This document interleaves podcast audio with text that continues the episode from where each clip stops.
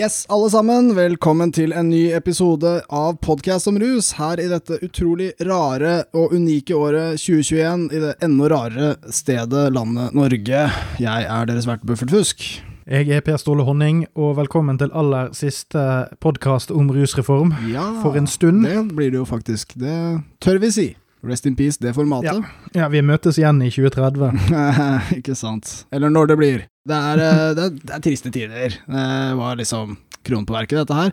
Vi var jo ikke så mye i tvil den siste sendingen vi lagde. Da så det mørkt ut, og nå er det komplett mørke. Vi har en situasjon der eh, Ap sa nei til rusreformen, og da blir det neppe noe av. Og så sitter det masse folk og er litt sånn små breiale om det. Litt sånn smøgg. Små? Ja. Nei, altså, jeg, jeg ville jo tenkt at uh, det er kanskje litt mer dekken Ja, snørrhoven, tror jeg. Snørrhoven er bra ord, ass, norsk. Her er det mye kroppsvæske ute og går, både den ene og den andre retningen. Eder og galle. Det, det er enkelte på forbudssiden her som jeg tror uh, burde kontakte lege, ettersom uh, ereksjonen har vart i godt over fire timer nå, altså. Ja, det stemmer. det, jeg vet ikke hva jeg skal kalle dem engang. Det konservative Norge. Det er det er en mangfoldig gjeng. Altså, De som ikke vil at ruspolitikken skal endre seg så veldig mye, bortsett fra at uh, slitne junkier ikke skal få så mye straff, de er veldig fornøyd. De sitter og goser seg. De har motstått denne grusomme bølgen fra Twitter, får blant annet litt av skylda der, og, og litt sånn liberale, og ikke minst venstre. Venstres rusreform har blitt knust i biter. Og nei, hva skal vi si om de folka der? Vi, vi får rett og slett ta en liten gjennomgang av, av hva de har sagt, og, og, hva de har av syn på dette her. For det er, det er mye rart Mm. å finne. Ja, jeg er helt enig. Og ja, Skal vi ta noe, litt om tonen før vi eh, hiver oss inn i eh, Vi må det. vårt land? Vi må nesten det. Ja. Vi, det, er, det, er mye, det er mye tone om dagen. Ja, fordi at eh, altså, det, det som er litt sånn plagsomt med å være veldig tett på dette, her, er det at eh, man merker disse kontante toneskiftene Mm. som popper opp. Mm. Og det, det var liksom Det var så mye mystikk i luften helt fram til fredag. Mm. Og så uh, gikk Støre på uh, talerstolen og sa dette her er noe tull, vi burde ikke øh, gjøre sånn som øh, regjeringen vil. Jeg er imot denne rusreformen. Og så bare plutselig så switchet alt over til ja, men selvfølgelig må vi ha noe bedre enn det regjeringen har lagd. Og dette gjelder, gjelder da både sånn partikaninene til Arbeiderpartiet, men òg sånne støttespillere med ulik grad av, av sosialdemokratisk eh, ryggrad, da, ja.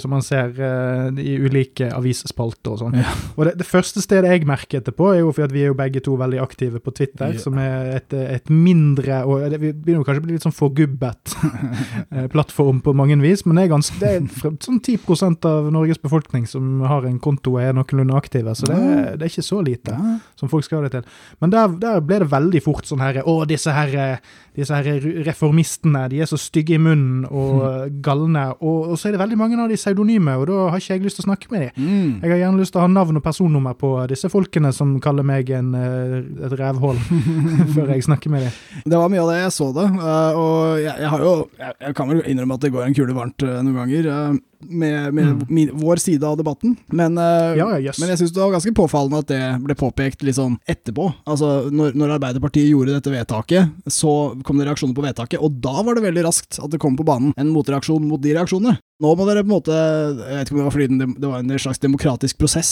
at den er sånn høytidelig eller noe sånt, at det var det, det som, som var- var så vondt. Uh, men dette var jo ekstremt skuffende for veldig mange mennesker, så jeg vil jo si at tidspunktet for å, for å starte litt sånn hard kritikk, det er jo akkurat der. Det er legitimt. Ja. Møtet har jo akkurat vært, man har jo ikke blitt hørt. Og, og Ja, altså- Ap med sin utrolig tydelige leder, by the way, kjempeglad i å ta avgjørelser. Diplomaten Støre kan jo hinte så mye han vil om at de kommer med en bedre reform. Jeg er kjempespent på å høre de, hvordan de i det hele tatt skal få det til å være lovlig i forhold til Grunnloven. Men skal vi bare hive oss over eh, liksom vårt lille assorterte utvalg av folk som eh, burde bli Ikke, ikke, ikke dyttet inn i et bøttekott, men kanskje sånn lurt inn, og så kanskje sånn satt en stol oppunder dørhåndtaket, og så slukket vi lyset og gikk.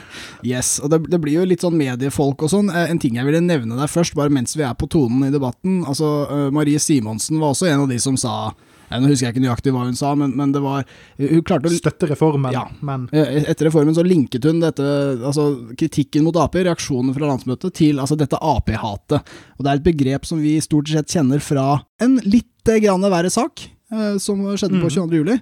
Og det, det er ganske smålig. Nå er jeg ikke sikkert hun prøvde seg på den parallellen der, men jeg vil gjerne henvise til en kjempegod tekst i Aftenposten, eh, litt inn fra sida. Det er altså Liv Jessen, eh, legende fra Prosenteret, og Anna Sabina Sogiu, som er ph.d.-student i psykisk helse og rus. De har skrevet en kjempebra tekst som heter 'Rusdebatten er emosjonell, men det må vi tåle'. Eh, det er faktisk en demokratisk seier når en massiv bevegelse krever å bli hørt. Og det kan være tøft når debatter dreier seg om menneskerettigheter, men det er uansett hardest for undertrykte grupper som kjemper for plassen ved bordet. Og, og, jeg tror kanskje vi bare skal være noble nok jeg, til å se det. Litt som at satire kun skal sparke oppover, så tror jeg kanskje politiske kommentatorer i aviser også gjør best ved å gjøre det. Gjør klokest i det. Altså, Simonsen burde i hvert fall vite bedre enn å bruke det uttrykket ja. på den måten. Og Hun har skrevet nok spaltemeter om uh, Utøya til å vite hva hun uh, maner opp med den typen påstander. Og det er òg en ting du er nødt til å tenke deg om når du nettopp uh, anklager folk for å være rabiate. Ja. Da, da, må du være klar i språket sjøl og, og, uttrykke akkurat det du mener. Absolutt. Og, um, og, og Maria, Simon, Marie Simonsen er en kommentator. Jeg vet ikke om hun har skrevet så mye om rusreformen, men hun har i hvert fall uttrykt støtte til den. men det gjorde hun også i denne mm. tweeten, hvor hun sier at jeg er for rusreformen, men, men, hun har jo akkurat stilt seg litt likegyldig til Aps vedtak, da, i samme uh, slengen. Mm. Og hva med å være litt tydelig? Altså, Man er kommentator i avisa, jobber med å formulere seg. Ap sin rusreform Altså, Rusreformutvalgets rapport er tydelig, kritikken mot den var utydelig. Aps avslag har uh, lite tydelighet i seg, og hvordan de skal få til reformen sin er utydelig. Så vi som sitter igjen, ribba etter denne situasjonen her, vi har veldig lyst på litt tydelighet, vi. Uh, og den burde ikke mm. være i form av at uh, de ber oss holde kjeft. For den tydeligheten har vi hørt noe av. Nei, og så en siste ting om det der med Ap-hat. Og det er det at mm. vi må heller ikke la ekstremhøyre gjøre det sånn at man ikke kan være emosjonelt mm. engasjert i kritikk mot Arbeiderpartiet.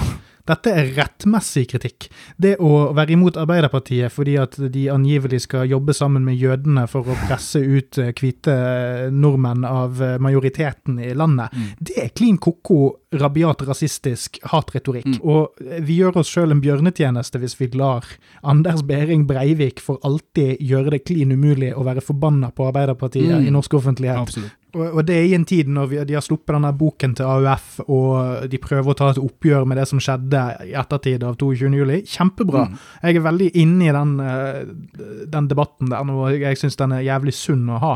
Men da er det òg jævlig viktig å sortere ut ja. Eh, hva som kan kalles rettmessig og urettmessig eh, anklage.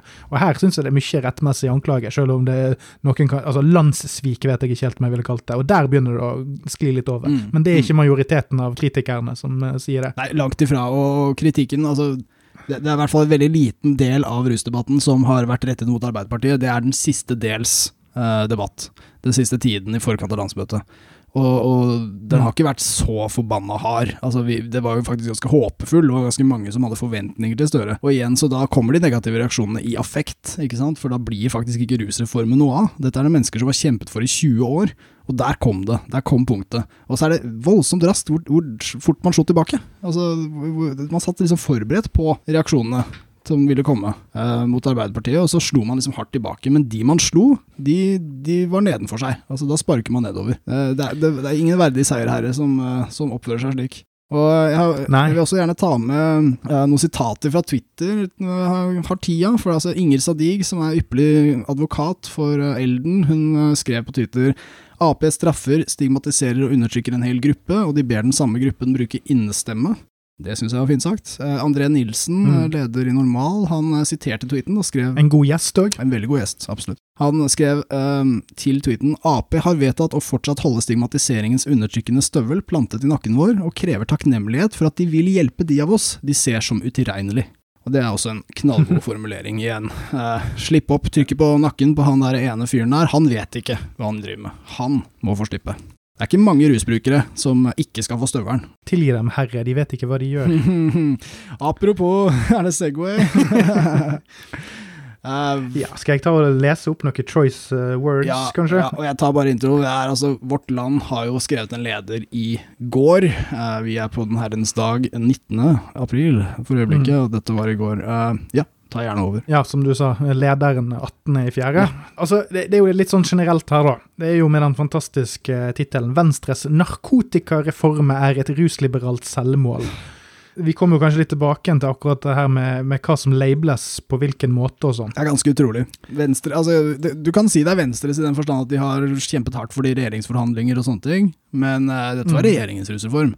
Og det er ingen Ja. som har kalt det en narkotikareform før denne lederen. Hva, hva faen? Altså, det er greit at det ikke er en tobakk- og alkoholreform, men, eh, men det Mm. begrepet her er jo, er jo mer utdatert enn holdningene si, til vårt land. Altså, det, er, det er helt utrolig. Eh, de fant opp et ord. Disse eh, kommentarene vi kommer til å lese opp nå, og kommentere på sjøl, Mm.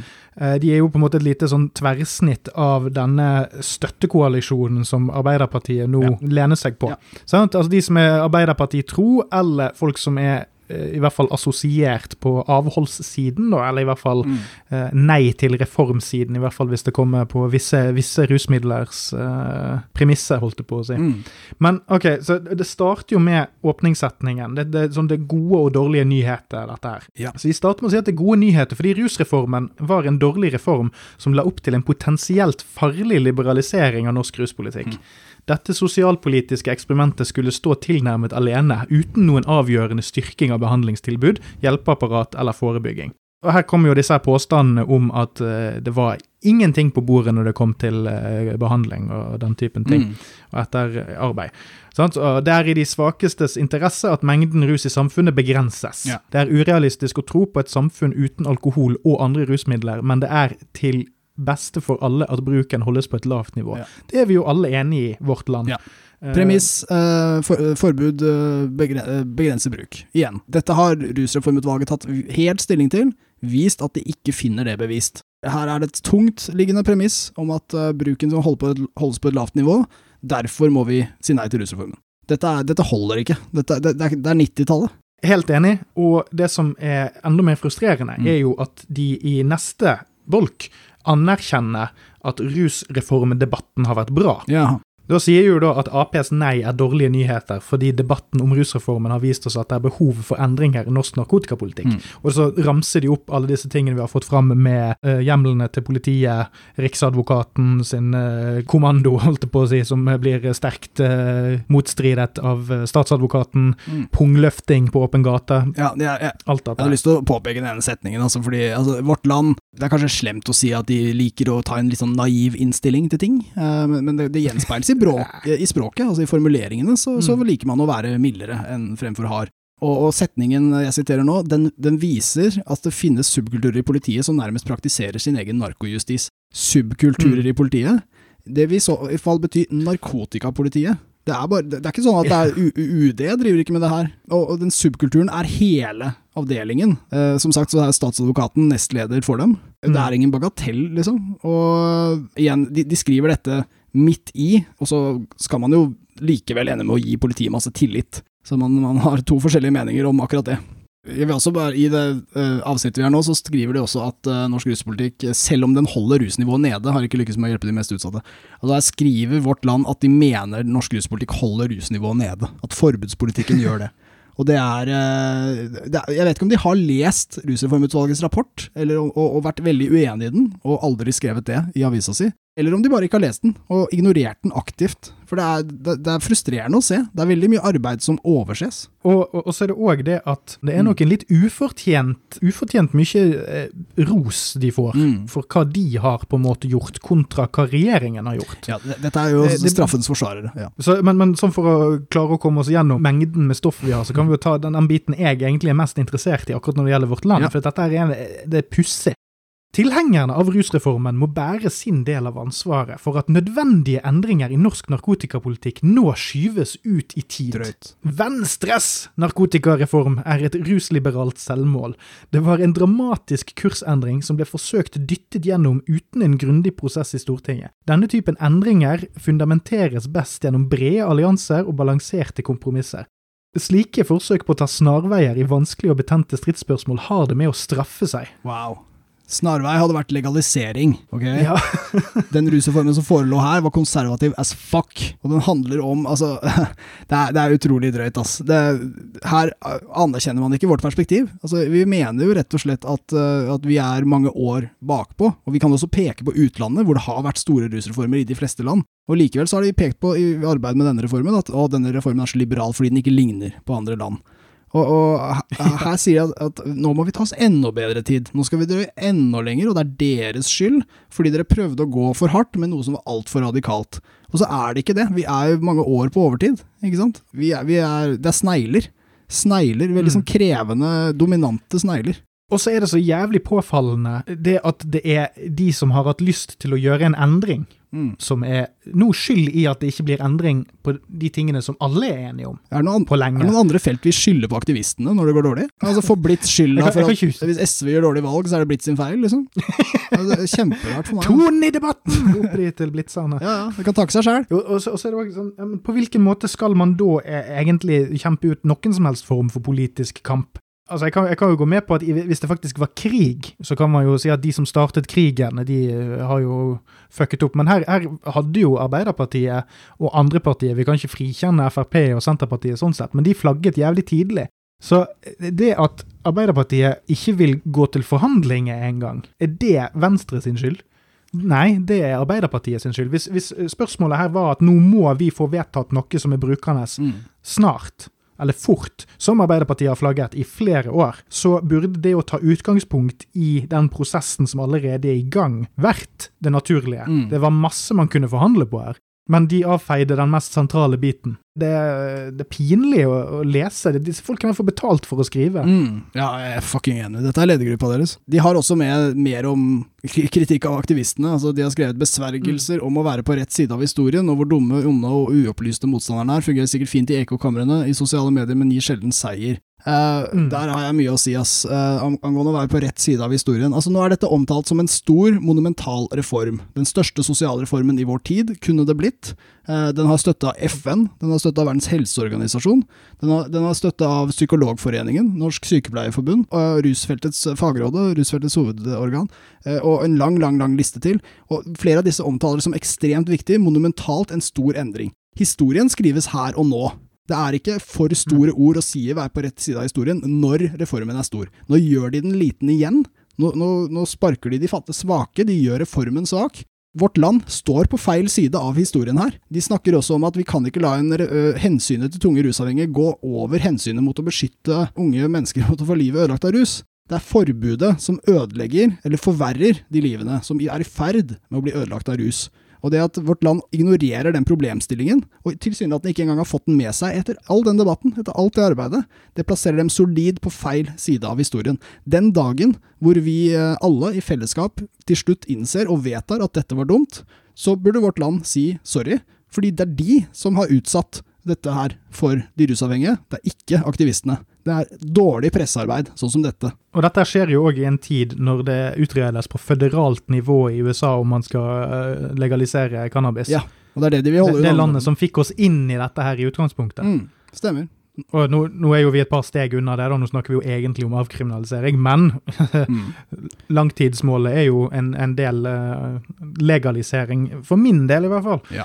Jeg tror både ja- og nei-siden ser det lange løpet i denne debatten, og hvor endestasjonen er. Mm. Det er bare det at ingen av de akkurat nå er spesielt interessert i å krangle om den biten, for at det bare kommer til å fucke det opp enda mer. Men det er to ting eh, som er interessant å bemerke seg på slutten. Det ene er jo at vårt land er eh, såpass opptatt av tonen i debatten, og at man ikke bør rope for høyt og være for bestemt eh, om hva som foregår. Mm.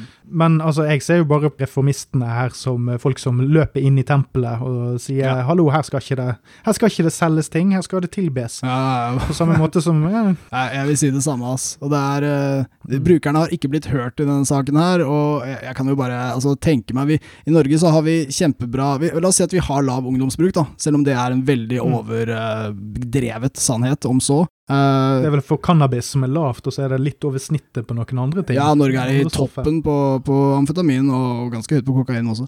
Men det er eh, Men, men eh, altså, vi, vi har En ting som er underlig med Norge, er at vi har denne velferdsstaten, og så har vi likevel så mange dødsfall. Så det er tydeligvis noe, måten vi praktiserer straffepolitikken på, og og et slags kulturelt problem, som gjør at vi, vi er ekstra harde med disse folka. Og, og sorry for å dra Jesus inn i det, altså, men hvis han gikk rundt i Oslo og så alle de synlige uh, narkomane, og måten de ba om noe de ikke fikk hele tiden, så er det ikke akkurat som den historien jeg har fått med meg om denne fyren, at han ville da gått med de autoritære. Og sagt at ja, dere burde prøve mer av det samme. Det, det handler om å, å, lytte til dem, og, og, norske rusbrukere de ønsket seg rusreform, og de ble ikke hørt i denne saken. Så hvis vårt land virkelig altså, De, de svake sak har i hvert fall ikke blitt talt av vårt land. Så til slutt kan jeg jo si det at dette her med å gjøre det om til Venstre sin narkotikareform nå, er jo veldig rart. Det er regjeringen sin reform. Ja. Og inntil det, Og det, det, dette jeg syns er pussig. For inntil eh, for et par uker siden så var det veldig klart i mitt hode at Bent Høie frontet dette her. Ja. Og at han har jo overlevert en signert kopi av, uh, av NOU-en til Arild Knutsen, mm. der han skriver 'uten deg så ville ikke denne vært til', eller noe sånt. Ja. Han har frontet dette bredt. Ja. Så det jeg da lurer på er, hvorfor i helvete begynte Arbeiderpartiet sine folk i forrige uke og uken før det å begynne å omtale dette som miniputt-Venstre Mm. sin drittreform? Mm. Vi skal ikke la 2,9 Venstre få bestemme dette her. Mm. Mm. Eh, og Vårt Land eh, har òg da bilde av Guri Melby Ja. på denne saken. Min teori om det er det at man på et tidspunkt har skjønt at Bent Høie Ja. Er altfor populær Ja. til å kritiseres Mm. for dette. her. Ja. Bent Høie har vært, liksom vært et av fyrtårnene våre gjennom koronakrisen, og sånt, og det hadde vært eh, dårlig politisk spill å angripe han personlig. Han virker som en sympatisk type som gjør så godt han kan. Mm. Men Guri Melby, som har gått ut og hisset på seg eh, hele Skole-Norge, eh, mer eller mindre velfortjent, Mm. eh, men det er jo en annen sak, er mye mindre populær og fronter eh, et, et parti som ellers stort sett får spaltemeter pga. at Abid Raja har prøvd å ta bilde av tissen til Tom Cruise. Så det, det, er påfallende, det er påfallende hvordan det skal isoleres ned til den gruppen som det er lettest å sparke, ja, sparke ned mot, ja, du, nemlig Venstre. det, det, det må jeg også si er en litt interessant ting. Særlig nå som det først falt, da. Så skal man gjerne påpeke at, Mm. eh, at de som er kule, de støtter ikke reformen. De som er mektige, de støtter ikke reformen. Det er faktisk bare sånne små tullinger som har støtta denne reformen her. Som Venstre, Mm. som eh, noen marginale rusfolk som har sin egen podkast. Sånne folk. uh, men men eh, også Hege Ulstein i Dagsavisen bruker flere ganger altså, hva er det hun bruker av betegnelse på Venstre? altså Narkoliberalistene i Venstre. Rusaktivistene i Venstre. Uh, og Det har blitt trukket frem også gang på gang at Unge Venstre er for legalisering av cannabis. Jeg har aldri liksom sett det før, at, at et parti og en stor reform skal liksom trekkes ned pga. ungdomspartiets synspunkter. Veldig sært. Angående det med Bent Høie, så tror jeg du har et kjempegodt poeng. Han er for populær til å bli dratt ned sammen med reformen, og han vil bli nyttig fremover, ikke sant? Kan ikke drive og Mm. rakke ned på han nå. Verdt å merke seg det at de, de retter seg mot de svake i kritikken sin mot rusreformen. Hvis, hvis du Mm. ser det. Altså at det, er, det, er lettere å hakke på de som er svake. Journalistene begynte å vende seg mot aktivistene den, den dagen de tapte. Da var det på en måte greit å, å kritisere de. Og jeg, jeg vet at de tror de beskytter de svake med, med, med synspunktene sine, fordi de vil jo gjerne snakke om de tunge brukerne som skal få slippe straff. Men greia er at uh, Mm. rus, alle rusbrukere er utsatt. Absolutt alle er utsatt i dagens Norge. Og når man da vil hjelpe de svake, uh, så, så tror man det holder med den lille gruppa av sprøytebrukere, noen, et par tusen mennesker. Det gjør det ikke. De svake menneskene, uh, de som ikke har blitt hørt her, det er hasjrøykeren som lufter bikkja si, og som bare skulle ønske han Mm. kunne snakke litt mer ærlig om det. MDMA-brukeren som går ut og, og tar det et, et par ganger i året, og skulle gjerne fortalt om opplevelsene sine, men tør ikke. ikke? Altså Disse tingene er, er det som rusreformen egentlig handlet om, den sosiale dimensjonen. Og det er ikke med i Vårt Land sin, eh, sin kommentar, eh, leder. Det er, det er ingen som bryr seg om de sosiale forholdene rundt rus, for de skal bare helst trykkes ned. De, vi skal helst ikke ha en ruskultur i Norge i det hele tatt. Vi ser krigen mot narkotika som at alt skal utryddes. Men uh, som du Mm. i USA så har de jo egentlig ganske innrømt at, at eh, det blir ikke borte. Altså, en, en siste ting her, så er det det at kommentariatet har en sjuke. Når noe skjer, Mm. så må de ut og forklare det. Mm. Det er litt det samme som at når du, når du ser på nyhetssaker på NRK, sant, så skal de plutselig ha inn Magnus Takvam for å forklare Ja. hva som har skjedd. Men i tilfelle med sånne avisartikler og, og, og opinion pieces og sånn, så blir det veldig ofte sånn at de bare oppsummerer et hendelsesforløp, og så legger de en moralsk vurdering på det. Mm. Eller en slags sånn ekstra sånn twist. Ja ja, det måtte jo gå den, på, den- på grunn av at Venstre gjorde sånn, og de gjorde sånn, og så måtte Arbeiderpartiet gjøre sånn, så, så, så var jo det her, det her et åpenbart uh, enderesultat som Venstre burde skamme seg over, for at de burde, de burde ikke pushet sånn på. For det vet vi nå i ettertid. Mm. Og det blir rett og slett bare å, være som fotballkommentator. Det, du har egentlig bare sittet og kommentert hva som har skjedd, og så har du eh, lagt på en sånn postfaktorrasjonalisering for hvorfor det gikk sånn som det måtte gå. Det er påfallende hvor lettvint det er Mm. å gjøre det. Mm. Og, og få det til å virke som en slags sånn her naturlov som har slått inn her. Absolutt. Ja. Jeg, jeg, jeg merker meg forresten en ting, fordi dette med å stå på feil side av historien, det er også omtalt av Hegge Ulstein i hennes eh, kommentar i Dagsavisen. Det ble jo nevnt i, i Vårt Land, så valgte de å si at det, det, er smålig å si det. Altså det er smålig å dra inn den betegnelsen. At man står på feil side av historien. Hege Ulstein sitt sitat er det er ikke et svik, det er ikke å stå på feil side av historien, det er å ta ansvar. Jeg vil utfordre dem, ikke at de hører meg, men jeg vil gjerne utfordre dem til å si følgende setning vi er på rett side av historien. Det er det ingen som har skrevet. Vi er på rett side. Dette er korrekt av oss. Dette bør vi gjøre fremover. Det de gjør, er at de spenner bein på noe konkret, og så sier de vi kommer med noe bedre. Eller, eller noe annet enn dette, takk. Men, men, det vi har er helt jævlig, og historien krever endring. Og de sier ja ja, den kommer, men hvis du er på riktig side av historien, så si det, da. Fortell oss at det her er den rette siden. Den andre siden er feil, ok? Da skal du ha baller til å si det, i stedet for å hele tiden bare hinte om at vi har brukt for store ord, eller noe sånt. De tar ikke stilling, og denne mm. vagheten, den er ekstremt frustrerende. Ja, sant. Altså, Ulstein klarer òg det som Vårt Land gjorde. Mm. Det at Hun, hun sier f.eks. debatten om rusreformen har vært polarisert og brutal. Til tross for det har den også vært fruktbar. Overtramp fra politiet har blitt avdekket. Behovet for tydeligere retningslinjer og lik behandling fra distrikt til distrikt mm. må nå være synlig for alle. Og de ytterst få som muligens har vært i tvil, ser ut til å være enig i det mange av oss har gjentatt i to tiår. Rusavhengige mennesker er ikke forbrytere. De er syke, de trenger helsehjelp, ikke straff. Ja, men det der er en omskriving av hele jævla problemet her. Alle har jo vært enige om at rusavhengige mennesker er syke, men spørsmålet er hvordan i alle dager kan vi sørge for at rusavhengige mennesker får den hjelpen de trenger? Jo, fuckings avkriminalisering. Mm. For alle. Ja, ikke sant? For alle. For alle. Og her, står det nok en gang rusavhengige mennesker er ikke forbrytere.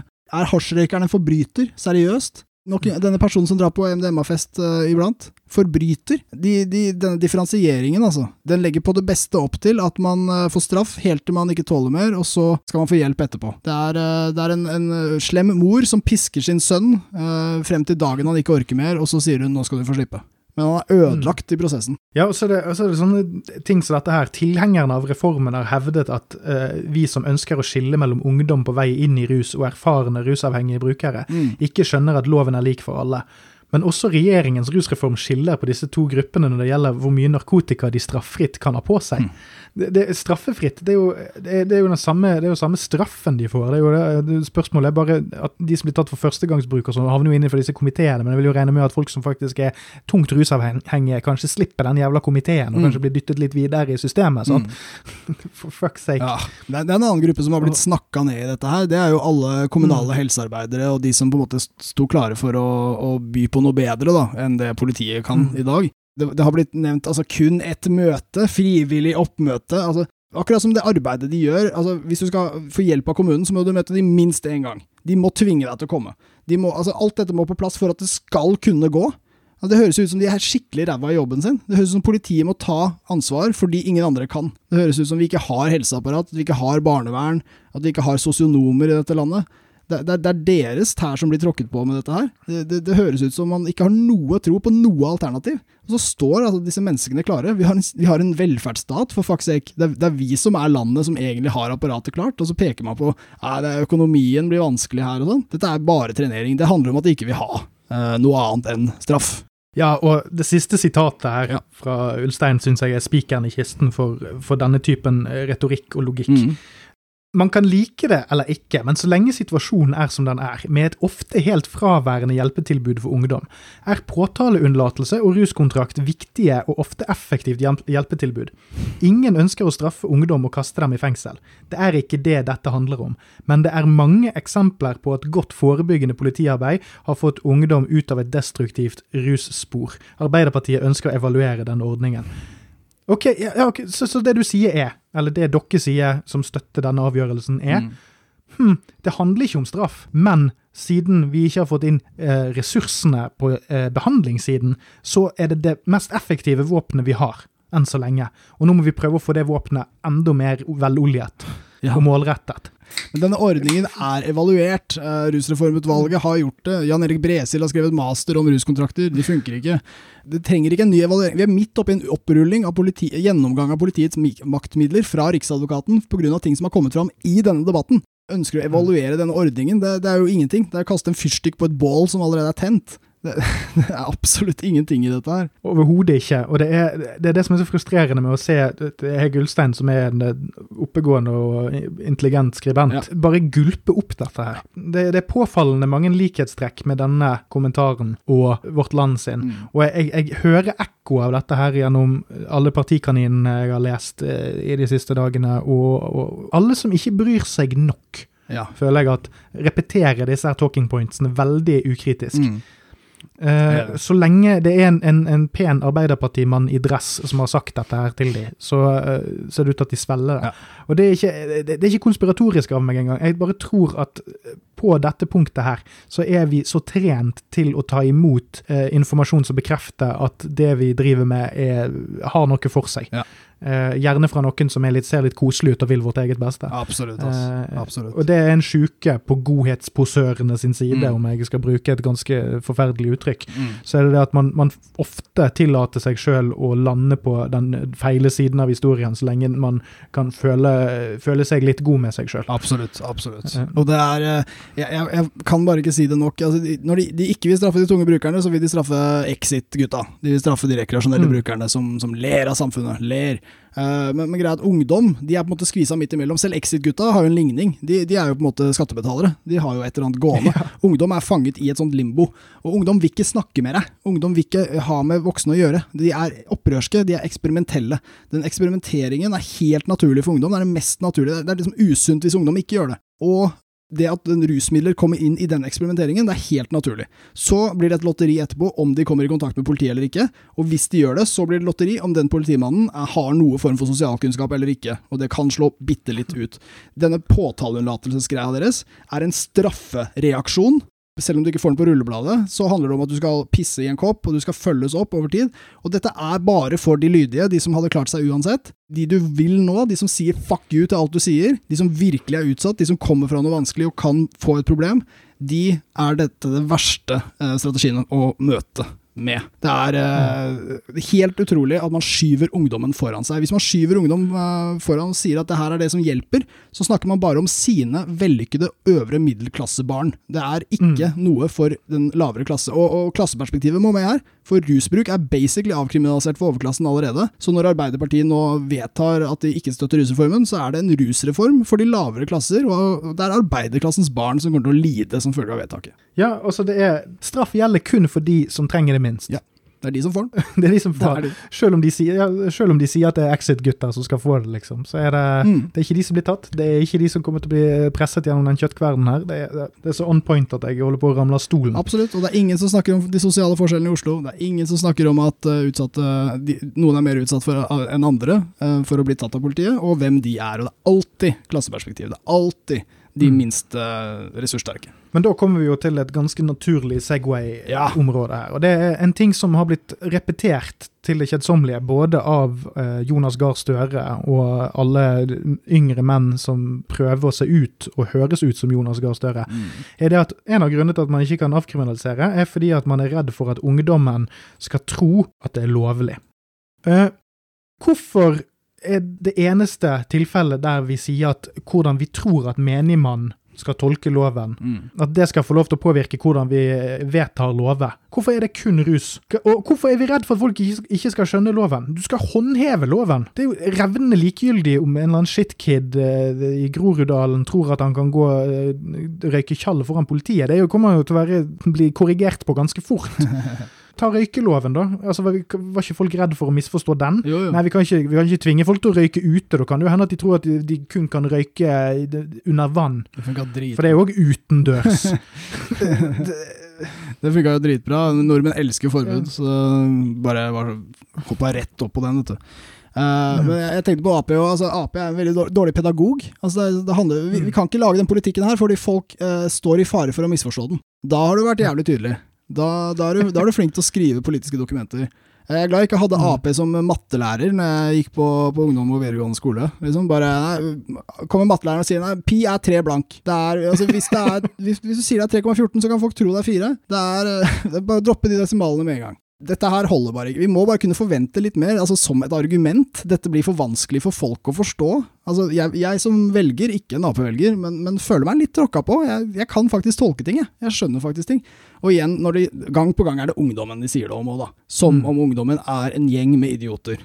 De mener jo tydeligvis det. Det er en paternalistisk uh, politikk de tar til orde for også. Så, og jeg vil også påpeke uh, det som heter Forandringsfabrikken, uh, som er en organisasjon for ungdom som hjelper ungdom det er da ungdom som på en måte har eh, vært på jeg vet ikke om man skal si, skråplanet eller noe sånt, eh, som, som, har kommet seg litt ut av det og fått mye erfaring, og så hjelper de andre ungdom i samme situasjon. og De gjør en kjempejobb. De hadde dødsbra innspill på høringen, og de hadde kjempebra brev til Arbeiderpartiet etterpå hvor de var skuffet over dette. Så ungdommen er blant gruppene som slett ikke har blitt hørt. Nei, vi kan eh, se litt på Arbeiderpartiets eh, vedtak. Det som ble vedtatt på landsmøtet 2021. Det er et dokument på deres hjemmesider som heter sosialdemokratisk rusreform.pdf. Uh, vi har jo kikka litt på dette her, men ja, hva skal vi si om dette her litt sånn generelt innledningsvis? da? Det er vagt, altså. Siste siden ish, er, er, hva de faktisk har vedtatt. Mm. Så de har jo drøftet det. sant? Dette er jo en komité som har lagt fram et forslag, og så har landsmøtet votert på det. Ja. så det står det her. Derfor vil Arbeiderpartiet punkt. Opprettholde et forbud mot narkotika, videreføre straffereaksjoner for bruk og besittelse av narkotika, og foreslå endringer i lovverket som sikrer en avkriminalisering for bruk og besittelse av mindre brukerdoser for tunge rusavhengige, mm. slik at denne gruppen møtes med god helsehjelp og oppfølging istedenfor straffereaksjoner. Mm. Vi tar det punktet i det er, det, hva, hva, skal vi si om den? Altså, det handler jo igjen om tunge rusavhengige. Og jeg tror eh, om de skulle lage en sånn lov, så, så ville den vært brudd på Grunnloven. Jeg tror ikke de kommer så langt med forsøket sitt, for å være ærlig. Vi får se. Men om den skulle bli praktisert som lov, så ville Menneskerettighetsdomstolen vært på ballen med en eneste gang. Eh, loven må være lik for alle, og de, den delen er noe grei. Men, men eh, fortsatt så er det så utrolig vagt her. altså Foreslå endringer i lovverket som sikrer en avkriminalisering for bruk og besittelse for tunge rusavhengige. ikke sant? Nok en gang så, mm. så driter man i ungdommen, og man driter i ekstragutta, og vil ikke ha en rusreform for alle. Uh, dette er formulert på en måte som får det til å høres raust ut, og det er jo slett ikke det. Jeg liker det at de tror at behandling og avkriminalisering er gjensidig ekskluderende størrelse. Ja, det ser man jo faktisk. ja, for du kan, du, kan ikke, du kan, ikke, få god helsehjelp hvis du, hvis du skal få straffereaksjoner. Nei, og Der ser vi også hva slags forebygging de mener, for da er forebygging eh, rusfrihet. Vi går videre. Ja. Punkt øke ressursene til politiets innsats mot narkotikakriminalitet og forebygging. Sånn at de kan løfte flere punger for å se om det er narkotika under dem. Er, vi skal løfte flere og tyngre punger. Det er, kan jo ikke gjentas nok at den drøftingen, altså den gjennomgangen av politiets praksis som nå er bestilt av Riksadvokaten, den kommer på grunnlag av ting som har kommet, altså praksisen til politiet som ble dokumentert i forbindelse med høring til rusreformen. Altså Hvis ikke rusreformen hadde blitt tatt opp som politisk sak, så hadde ikke vi fått vite at politiet har misbrukt makt, primært mot narkotikabrukere, i årevis. Og Den drøftingen er underveis. og Det er ganske utrolig av Ap å vedta noe sånt. Bare å hinte om at politiet skal få mer myndighet på nøyaktig det feltet det granskes for overgrep. Ja, nei, det, det, ja. Ja, dette var egentlig bare ressursene, men det kommer jo òg seinere på noen av punktene her. Det her med at det skal gå gjennom ja. den uh, evalueringen og sånn. Det gikk jeg for fort frem. Poeng, ja, ja, men poenget står seg, det. Ja, poenget står seg. Men det er òg bare å øke ressursene til den innsatsen. Så det er jo ja, til, akkurat, til akkurat den innsatsen. Punkt. Gjennomføre en behandlingsreform for de tunge brukerne ved å, mm. under punkt 1, gjennomføre en forebyggings- og behandlingsreform med styrking av kommunenes forebyggende tilbud, kapasiteten i tverrfaglig spesialisert rusbehandling og tiltak for økt livskvalitet for rusavhengige. Dette er jo Senterparti-lobb. Ja, det er det. Det tror jeg også det er. Absolutt. En forebyggings- og behandlingsreform. Igjen, og forebygging betyr avhold, så tror jeg ikke det blir så mm. tverrfaglig. Jeg. jeg tror det rett og slett blir penger til de som satser på den harde linjen.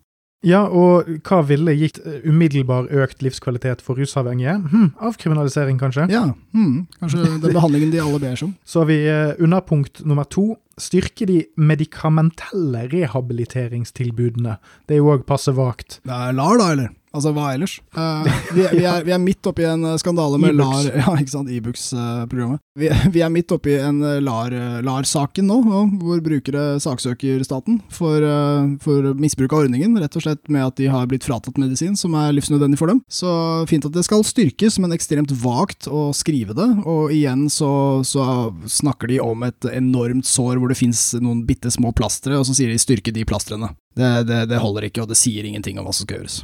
Nei, og, og styrke. Det er jo Ja. Det betyr jo bare Det, det kan bety liksom Å ja, gi én million mer.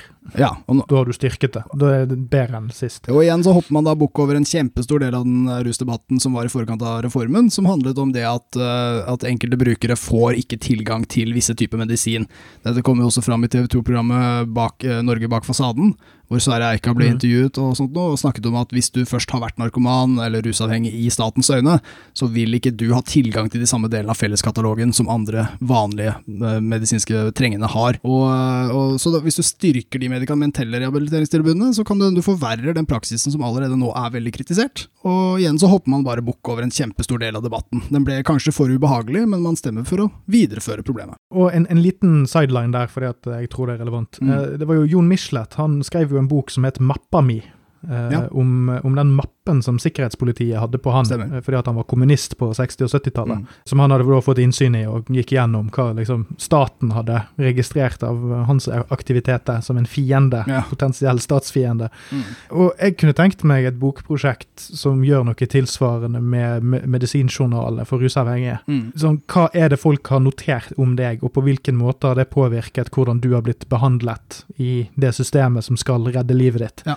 Står det rusavhengig, og har det da påvirket at du f.eks. ikke får øh, angstdempende seinere? Mm. Sånn, den typen ting. Ja. Kunne tenkt med et jævla oppslagsverk kunne du lagd om det? der. Ja, ja, ja, absolutt. Du har det i politiet også, hvis du har kjenning av politiet. Så får du grundigere Mm. sjekk. Hvis du aldri har vært kjenning, så får du aldri sjekk. Hvis du først er innafor, Ja. synd for deg. På hvilken måte har vi, har vi fratatt folk behandlingstilbud, og kommer til å fortsette å gjøre det helt fram til de blir tunge narkomane? Ja, Du kan jo ha dette her i mappen din eller i journalen din lenge før du blir ja, tung narkoman, og da har jo du fått et redusert behandlingstilbud inntil Ja. det punktet. absolutt. absolutt. Og angående dette punktet, så vil jeg også si det at uh, det på en måte er litt vagt, da. Altså, sikre behandlingsinstitusjoner følger opp rusavhengige. Det er egentlig der eh, statens ansvar også slutter litt for disse brukerne. Altså, med en gang du er ute av rehab, så, så er det vel Nav og litt sånne ting som kommer inn, men det er da her de ønsker å få mer inn, da. De vil ha aktivitet, utdanning, arbeidsliv. De vil sikkert at det skal føles som en sosionom som følger brukeren ut i parken, men jeg tror det kommer til å føles mer som en fangevokter som følger han ut i luftegården. Det er ikke Uten en sosial reform, uten forståelsen av at staten ønsker å hjelpe fremfor å straffe, så, så vil ikke de tiltakene ha noe bedre effekt enn de har i dag, og den effekten er veldig lav. Ja, men jeg er helt enig. Det der er en sånn, det tror jeg òg bare hadde vært angstdrivende. Jeg hadde ikke likt at en eller annen sånn tante hadde drevet og ringt meg og spurt om jeg hadde ruset meg den dagen. Det- Nei, og, og igjen, jeg jeg vet Nav gjør dette mot si, vanlige folk. Søker du dagpenger, så kan hende de vil ha deg med på noe aerobic eller et eller annet, men, men, men, Ja. men den gruppa her er kanskje ikke den rette gjengen. Altså, jeg, nei, igjen, jeg, jeg tror det bare er svada. Jeg tror ikke det er noe som trenger å følges opp, og det sier ingenting om noe som helst. Og, og her kommer jo et par punkter til? Altså, som, Mm. som er litt i, i Vi kan jo ta de to her samlet under ett. Mm. Sørge for et botilbud med avstand til rusmiljø og mulighet for oppfølging for rusavhengige. Det neste punktet er uh, sørge for å få på plass rusmestringsenheter i alle landets fengsler, som er redusert gjennom regjeringens ABE-reform, slik at også innsatte får den hjelpen de trenger for å mestre livet etter straffegjennomføring. Den siste der vet jeg lite om. Det kan hende det er behov for rusmestringsenhetene i fengslene, eller så kan det hende at det blir nok Mm. en eh, veldig mislykket eh, rusinnsats i norske fengsler. Eh, men, men jeg må si det første punktet, de henger begge sammen her, for det handler om bomiljø og den slags. Men det er et kjempestort sosialpolitisk problem, dette med at, eh, at eh, Egentlig er det et vitenskapelig problem. altså I samfunnet så ønsker du egentlig å ha veldig stor differensiering av demografiene. Du vil at du skal spre dem ut, sånn at det blir sånn lappeteppe. Mm. sånn, da skal liksom tunge rusavhengige, som er veldig snille, eh, de av dem, de skal bo ved siden av en barnefamilie. på en måte, altså Det skal være full kontrast, da. Og så skal alle liksom ta vare på hverandre. Det er idealsamfunnet. Men det er ingen som egentlig har klart å løse det. ikke sant? Uansett hvor bra levestandarden blir, så vil ikke barnefamilien bo ved siden av den slitne junkien, fordi de misforstår junkien. De tenker at han er skitten, farligere enn han er, mer ustabil enn han er. Og igjen, eh, en sosialreform hadde gjort seg der. Eh, Men å få løst denne nøtta her nå, innenfor en slags regjeringsperiode, det går selvfølgelig ikke an. Det er bare tull. Eh, botilbud, lykke til med det. Mulighet for oppfølging, altså avstand til rusmiljø. De klarer ikke engang å, å, å plassere rusmiljøet der de vil det skal være, i en by. Nei, de må jo ut på landet, da. Ja ja, nei, igjen så, så Sender de på sånn rideskole eller noe sånt. da, da er rusmiljøet leiligheten til Terje, og han bor på de, den samme institusjonen. Eh, så, så lykke til, altså. Jeg må jo berømme Arbeiderpartiet for å ha klart å snike inn en, en kritikk av det de vedtar i det de vedtar. Fordi, altså, altså, det å ha rusmestringsenheter i fengslene, sånn at de, kan, de innsatte kan hjelp, få hjelp til å mestre livet etter straffegjennomføring, er jo nesten en innrømmelse av at de straffes fordi at de er Ja. for syke til å straffes. Ja, Og derfor er vi nødt til å behandle de. De skal få behandling når vi straffer dem. Staten uh, trenger loops. ikke sant? Det, det er litt sånn som eh, når du plasserer Nav og Polet i samme bygg. Det er litt sånn samme greia. Ja, og så kommer de to siste underpunktene her. At rusavhengige sikres et helhetlig helsetilbud hvor både somatisk og psykiske lidelser blir utredet og ivaretatt i behandling. Ja vel. Eh, Svada-alarm. Eh, at Ja. gruppe sikres eh, noe fint. Det er, eh, det, det er bare oppbyggingen i setningen. Det kommer aldri til å bli noe. Nei. Sorry, det er helt politisk svada etter oppskrift, altså. Ja, det er sånn helhetlig. Altså, hvem Bli, Hvem skal ta de på det utredet, blir ivaretatt, ikke sant. Ja ja. Én Mm. rapport, kanskje, så har hun. Og så Siste punktet i denne bolken er gi nødvendig faglig oppfølging av pårørende til pasienter i rusomsorgen, slik at de kan støtte sine nærmeste i deres behandling og hverdag. Og vips fikk man inn ordet pårørende også, vet du.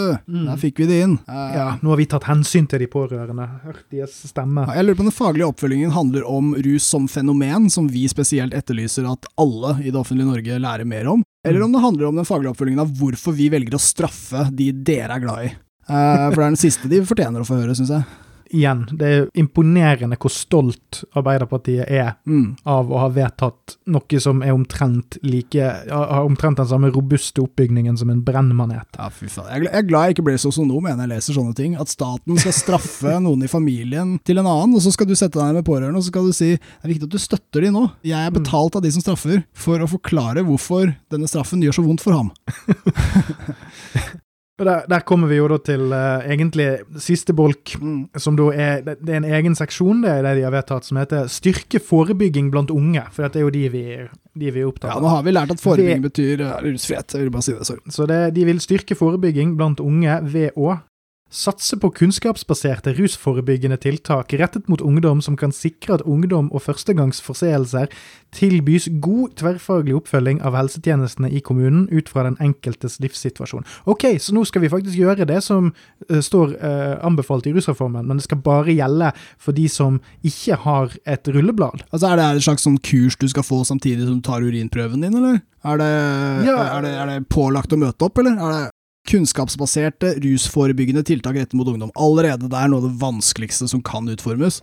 eh, Som skal sikre, eller kan sikre, det er ikke så veldig ambisiøst, at ungdom og førstegangsforseelser tilbys god tverrfaglig oppfølging av helsetjenesten i kommunen. Altså, helsetjenesten i kommunen vil gi dem tverrfaglig oppfølging, men de blir jo straffet av politiet. Altså, Handler det om, om, om rus, eller altså eh, rusforebyggende Jeg trodde ja, Det er mulig jeg forveksler hva som skal være det rusforebyggende tiltaket, men jeg vet i hvert fall at urinprøvekontrakter og påtaleunnlatelser kommer i veien, ikke som hjelpemiddel. Ja, for dette er jo, er, jo, eh, er jo faktisk rettet rett inn mot at de faktisk plukkes opp. Ja, Sant? dette er jo skjevt. Her er det ikke, er er det ikke liksom i forkant av at de blir tatt av politiet. Eh, men det kan se sånn ut hvis du bare skumleser. Ja, og så, og så har du med helsetjenesten det, og ungdom i samme setning og sånne ting. og Det er altså, Mm. det, det vi vet er at politiet kommer først. Det er først politiet, Ja. og så kanskje kommer helsetjenestene. Den reformen de sa nei til handlet om å flytte det, men de valgte å Mm. beholde det hos politiet. Så du kan skrive helsetjenestene så mye du vil, men du kunne liksom skrevet de sekundære helsetjenestene. Den første helsetjenesten er at du får en god sånn, eh, sånn testikkelkreftundersøkelse av politibetjenten som arresterer Du deg. kunne liksom fått det på kjøpet. Altså Det er jo statens penger som er i- arbeid der. Uh, hvis, det Ja, jeg, hvis du har testikkelkreft, så kunne du liksom bare Han kan jo være utdanna i det, han kan jo vite hva det er. det kan være etterutdanning for politiet, det er kanskje en av disse punktene de skal ha. Kan de ta noen, eh, ta noen studiepoeng på uh, sykepleierskolen? Det kan de få penger til. Kveldskurs for å Ja. diagnostisere, det, det er greit. Ja, for jeg, jeg blandet litt det første punktet med det andre punktet. her. Jeg skjønner for Der kommer det opp det at ha som hovedregel at reaksjonen i møte med ungdom og førstegangsforseelser som tas for bruk og besittelse av narkotika, bør være påtaleunnlatelse og tverrfaglig oppfølging gjennom forpliktende helse- og sosialfaglig oppfølgingsløp i samarbeid mellom politiet og helsetjenesten i kommunene. Jeg har, et, Så du, du slipper unna når du ikke har et rulleblad. ikke sant. Da skal du slippe unna én gang. Jeg har et veldig bra forslag til Arbeiderpartiet, hvordan de skal, og jeg siterer, ha som hovedregel at reaksjonen i møte med ungdom og førstegangsforseelser blir ikke så tøff, sånn som de legger opp til her. Det skal ikke bli så tøff. Uh, vedta regjeringens rusreform. Herre jævla gud. Dette er den nøyaktige beskrivelse av det samme. Ungdom skal ikke møtes med straff, de skal hjelpes med et eller annet, et eller annet, et eller annet, påtaleunnlatelse. Det er straff. Det, det, det, dette er en ekkel hybrid. Altså, de har kopiert deler av rusreformutvalgets eh, formuleringer, og så har de fletta inn politiet og gitt dem mer myndighet, rett og slett. Jeg syns det blir på en måte drøyere og drøyere jo nærmere vi kommer slutten Mm. her. Fordi For eksempel dette neste punktet. Evaluere bruken og effekten av ordninger med ruskontrakter og andre typer forpliktende avtaler for ungdom. Det har vi allerede gjort. Nok en evaluering. Det- Kanskje det- funker denne gangen. Det er så utrolig uforpliktende. Det er ikke et ord med kritikk i hva de har vedtatt. De, de, har, de skal bare styrke og evaluere. De, det, er ikke, det, er ikke, et standpunkt tatt mot noe som helst. Nei, Nei det, det, de skriver her, er jo at altså, Vi har jo snakka om det her i holdt på å si 20 år, på den podkasten her i, i sju. Sju år? Sju år. Ja, og så har det tross alt vært uh, en debatt om dette ganske lenge, og, og det er særlig bruken av ruskontrakter som har vært trukket frem. Og det de sier her, er at vi skal se på det. Det er, det er, en adressering til argumentene i debatten, men det er samtidig en innrømmelse av at det har vi bare driti i. Vi har ikke tatt stilling til om de funker eller ikke, så nå skal vi sjekke. De funker ikke. Og så står det 'foreslå begrensninger for hvor lenge bruk og besittelse av brukerdoser forblir på rullebladet'. Igjen! Hva om de ikke havner på rullebladet i det hele tatt? Elsker, Hvem skulle trodd at det kanskje var en løsning? Jeg elsker tydelige politikere som lover meg at de skal foreslå du begynner et punkt med fucking ordet 'foreslå'. Uh, et regler... Ja, nei, en eh, begrensninger. Altså, de, de, Vi vedtar å foreslå. De, de, er kritiske til bruken av pisk, og de skal foreslå og, og, drøfte og vurdere om det kan være bedre å slå litt mildere med den pisken. Ja, eller, eller kanskje gi, gi, den som blir slått, uh, litt, litt tjukkere klær. Mm. Kanskje det er en lettere, lettere, pisk, gjør kanskje litt mindre skade. Kanskje, kanskje vi skal vurdere en sånn pisk. Nå må vi slå litt hardere. sant? Hvis, hvis, pisken er for lett, så må vi slå hardere eller oftere. Du har, ja. du har rett, dette blir komplisert. Vi må ha en fem års uh, utredning. Og en evaluering av utredningen. hvis, så kan vi foreslå ikke, en endring av en evaluering av utredningen. Hvis den ikke viser det vi vil. For det er det som skjer her. Vi har allerede evaluert så jævlig mange av de tingene som de påpeker, og at de skal evaluere. Og da er det vel for å forhåpentligvis få et annet resultat, da. Ja, og her, her, kommer jo de to styggeste nesten på slutten, spør du meg, når det kommer til hva Altså, det å, å virkelig ikke hjelpe det, Jeg ser for meg det der bildet av noen som holder på å drukne, ja. og så kommer det det som du tror ser ut som en uh, hjelpende hånd, men så gir han han det, uh, bare en high five, og, så, og, så, drukner han. sant? Uh, og det er da foreslå et regelverk mm. som sikrer at de som søker helsehjelp eller hjelp ved ulykke, ikke straffes for oppbevaring av brukerdoser. Ja. De skal foreslå et regelverk som sikrer det. Ellers så kunne man jo f.eks. bare sagt vi går til valg på at i ekstreme situasjoner skal ikke du eh, straffeforfølges for hva enn kriminelt du driver med. Ja. De skal foreslå det regelverket som de må få til å fungere, om de skal ha noe alternativ til regjeringens rusreform. Det er veldig fint at de vil mm. foreslå det. De kan jo spørre sin ja, også, buddy Tor Aksel Busch, som har jobbet hardt mot rusreformen, eh, og hevder at det går an å lage en differensiering mellom tunge og svake brukere. De kan jo høre med han. Mm. Tror ikke det stemmer, altså. Nei, og det, det, virker som om de prøver å, å skrive en versjon av rusreformen uten mm. å bruke noen av de konkrete setningene som står der. Ja. De skal prøve å skrive en sammenligning uten å bruke ordet 'som'. Mm. Så derfor lager de sånne lange sånne her greier med foreslå begrensninger og evaluere bruken og effekten, istedenfor å bare si 'vi har tatt en konklusjon, og vi er nødt til å gjøre dette'. Mm. Vi tror at dette er riktig. De har faktisk ikke tatt stilling til om de vet noe engang. Her kommer kom den, den, siste biten mm. her, som jeg syns er ekstremt stygg. Sikre at helsepersonells opplysningsplikt knyttet til pasienters rusbruk må bero på en konkret vurdering, ikke hvorvidt rusmiddelet er lovlig eller ikke. Mm. Det betyr rett og slett at vi fremdeles Arbeiderpartiet har ikke lyst til å gå inn og si at taushetsplikten skal gjelde for alle. Mm. Det er det de sier. Per dags dato så kan ikke du innrømme egen uh, ulovlige rusmiddelbruk til verken psykologer eller lege, eller egentlig noe helsepersonell, mm. med mindre du stoler på vedkommende, fordi de har faktisk en opplysningsplikt videre. Ja. Og det, er, det, er jo, det punktet er helt åpenbart refererende til praksisen som ble påpekt, og, og, som de igjen da mm. bare hopper ganske mye over. Som handler om at det finnes mange historier om folk som har kontaktet helsehjelp, og så har de blitt straffet av politiet etterpå. Det var mange stygge historier. En av de jeg husker best, var en som ringte fordi en, en bekjent tok overdose. Vedkommende døde faktisk også, og så fikk de pårørende som hadde ringt ambulansen, de fikk bot for bruk etterpå politiet har mulighet til å vurdere dette etter skjønn, men vi ser at dette ikke gjøres.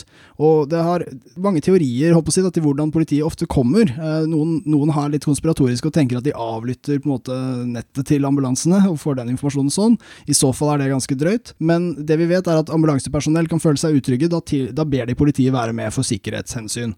Og da har politiet mm. muligheten til å bruke skjønn til å vurdere om de skal agere. Og når det kommer til narkotika, så gjør de alltid det. De ser ikke mm. narkotika og lar det være. Og det, dette punktet her, eh, det, det, handler om en misforståelse som det ble brukt veldig aktivt i det politiske miljøet, nemlig at dette var en påstand om at folk bryter taushetsplikten sin. Om at helsepersonell bryter taushetsplikten sin. Kjersti Toppe skrev en ganske drøy tweet som hun lot stå og aldri svarte på, og det var dere, må, dere i debatten må slutte å, å, si at folk får straff for å ringe ambulanse for et lavmål eller, eller noe sånt noe. Og, og da bare flommet det inn med historier som bekrefter at det har skjedd, og at det skjer aktivt. Men, men det punktet Arbeiderpartiet har her, sikre, sikre opplysningsplikten til helsepersonell, vil ikke løse problemet. Og hadde de fått med seg argumentene, så hadde de visst det. Dette er igjen nok en gang bare trenering. Enten har de ikke fått med seg hva som ble sagt, eller så har de misforstått det aktivt til sin egen fordel. Det er ikke formildende omstendigheter. Nei, absolutt ikke. Dette arbeidet her er jævlig slett. Ja. Og jeg tror det kommer av to ting. Det ene er at de ikke har vært spesielt interessert i å engasjere seg med materialet før det ble forelagt mm. i NOU-en. Men òg det at jeg mistenker at dette her er ikke noe som har egentlig spesielt eh, mye prestisje internt i Arbeiderpartiet. Ja. Så de som har hatt sterkest mening om det, er òg de som har klart å få banket gjennom eh, vurderingene sine. Mm. Eh, og, og, lagt fram denne her det, Dette er jo en kommisjon som har eh, kommet med denne konkrete fremstillingen, eller hva faen enn det kalles. Ja. Henstilling, eller det er alltid et eller annet sånn byråkratisk piss. De, de, har så jævlig mange komiteer. Mm. Men det står ikke sterkt nok internt i Arbeiderpartiet. Mm. Det har ikke mm. vært en debatt. Altså det, det, er ikke noen høyt i partiapparatet som på en måte har tatt eierskap. Nei. på en måte. De har ikke en rusreform. Mm politiker. Nei, de har ikke det. Altså de, de, de hadde internt, som jobbet hardt for dette her, de var altfor, altfor få. De har jobbet hardt for å spre informasjon i sitt eget parti, og de har ikke lykkes. Og jeg tror lav prestisje er en del av det. Og, og, den manglende interessen for å gjøre noe med det, den tror jeg handler mye om gamle fordommer mot, mot legalisering, da, kanskje, hvis jeg skal si det. Rett og slett ideen ja. om at uh, nå kommer de der gamle hippiegreiene igjen. Men, men, uh, mm. men, det er veldig mye bedre belagt den gangen nå enn da.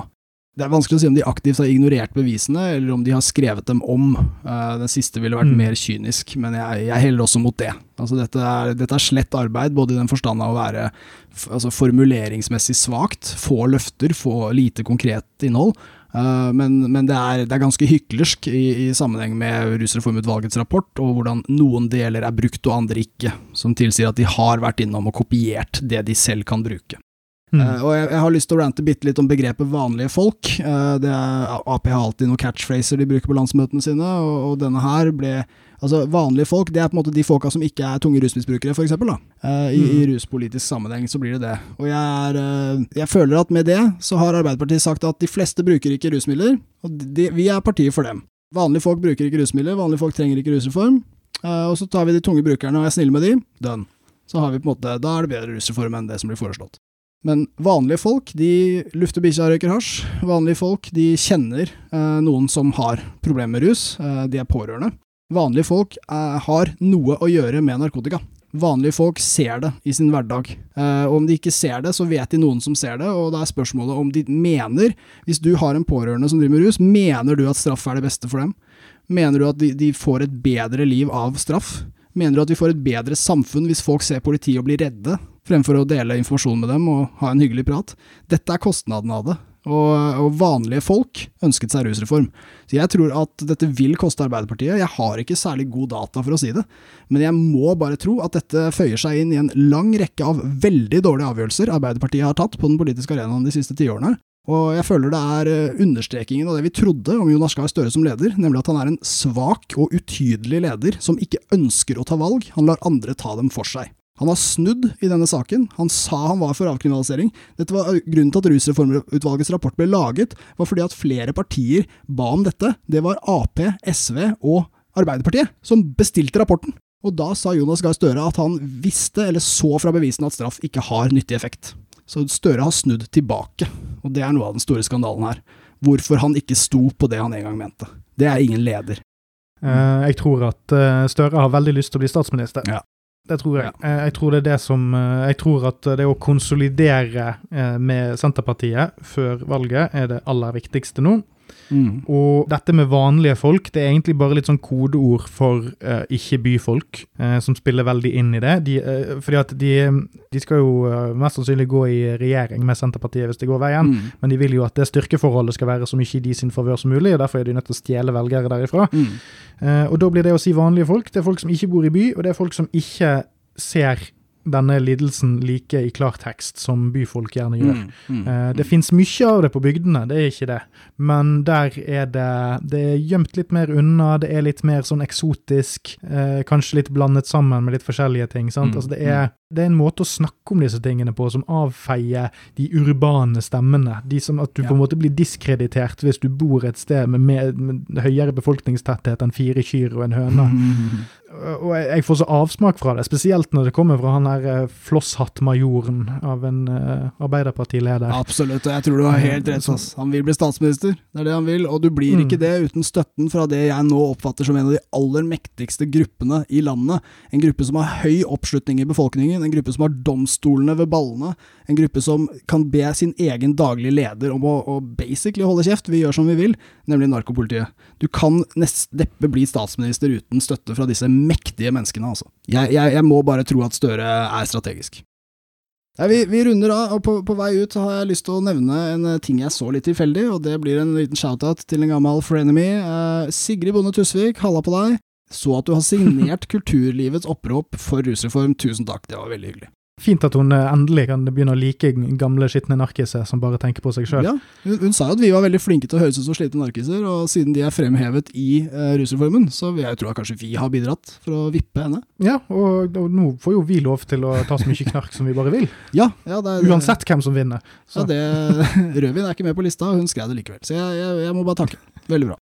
Mer skal vi si. Vi vurderer, vi vurderer å lage en Patrion. Jeg vet ikke om folk er gira på det. Da kan dere gi oss eh, 4 kroner og 20 øre, og så Nei da. Ja, og det er jo fordi at eh, som vi har nå brukt eh, 12 timer og 14 minutter på å, å si, så er det jo et ekstremt behov for voksenopplæring framover. Yeah. Og det gjør vi faen ikke gratis. Nei, vet du hva, det har vi gjort lenge nok nå, men eh, nå, nå satt alle de rike og nok en gang ikke kunne alt vi kan. Så nå må vi få litt betaling for den opplysningen vi har. Selv om ingen sjekker den ut, så ligger den nå der. Arkivet er åpent, vær så god. Ja, vi, har ikke, vi har ikke hamret ut alle de konkrete uh, tearsene og sånt ennå, men det kommer mest sannsynlig i løpet av eh, en liten stund. Ja, vi, Så eh, smeller vi det ut på alle kanaler der vi kan uh, yes. spleise litt. Yes, det stemmer. Det er økt satsing etter rusreformen, folkens. Og uh, kom gjerne med innspill også. Send oss gjerne noen e-poster til podcastomrus at gmail.com. Så blir det sikkert noe bra. Eh, Vi vil gjerne vite hva folk eh, vil ha mer av. Hvis det røyner på, jeg er åpen for en Onlyfans, altså. Se- meg rulle jointer sakte, men sikkert i tre timer. Veldig sakte.